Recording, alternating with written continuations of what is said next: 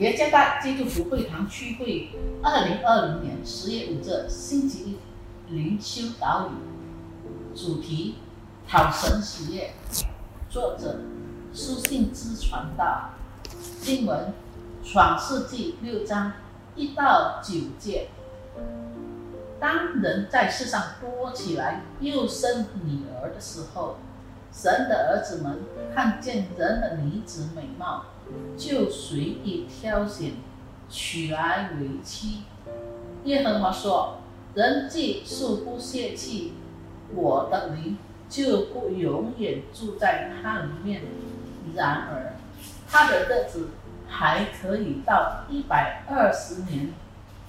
那时候。”有伟人在地上，后来神的儿子们和人的女子们交合生子，那就是上古英武有名的人。耶和华见人在地上罪恶很大，终日所思的尽都是恶，耶和华就后悔造人在地上，心中忧伤。耶和华说。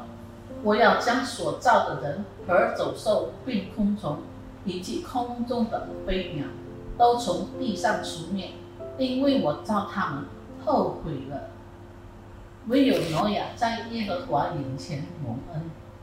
挪亚的后代记在下面：挪亚是个异人，在当时的世代是个完全人。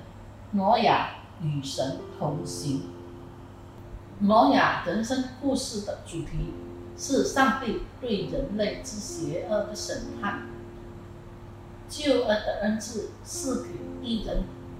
在圣经记载的第五节中，耶和华见人在地上罪恶很大，终日所思想的尽都是恶。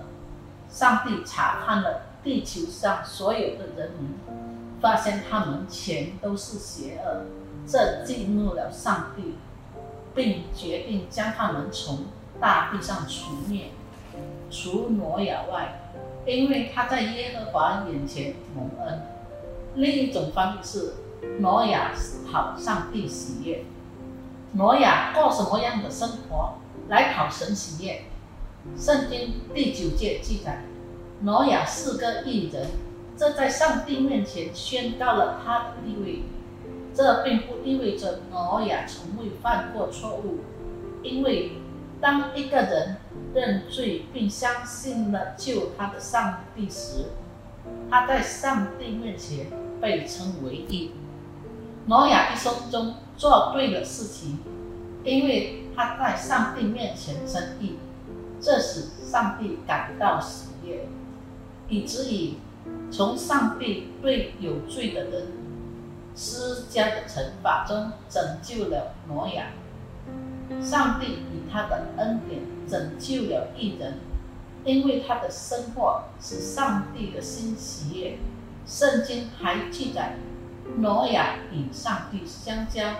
在另一种翻译中，挪亚走在上帝的路上，挪亚与上帝紧密相交，并与上帝亲近。在圣经中。这种生活通常与对上帝的信仰和服从有关。通过上帝并顺服上帝，挪亚与上帝有亲密的团契，并走在上帝的路上，讨上帝喜悦。没想过取悦上帝吗？培养一颗完全相信上帝并服从他的旨意的心。我相信你生命中的许多时刻都可以培养你对上帝的信任和服从的态度。你还记得其中的一些吗？想一会了吧。我们通过信任和束缚来取悦上帝。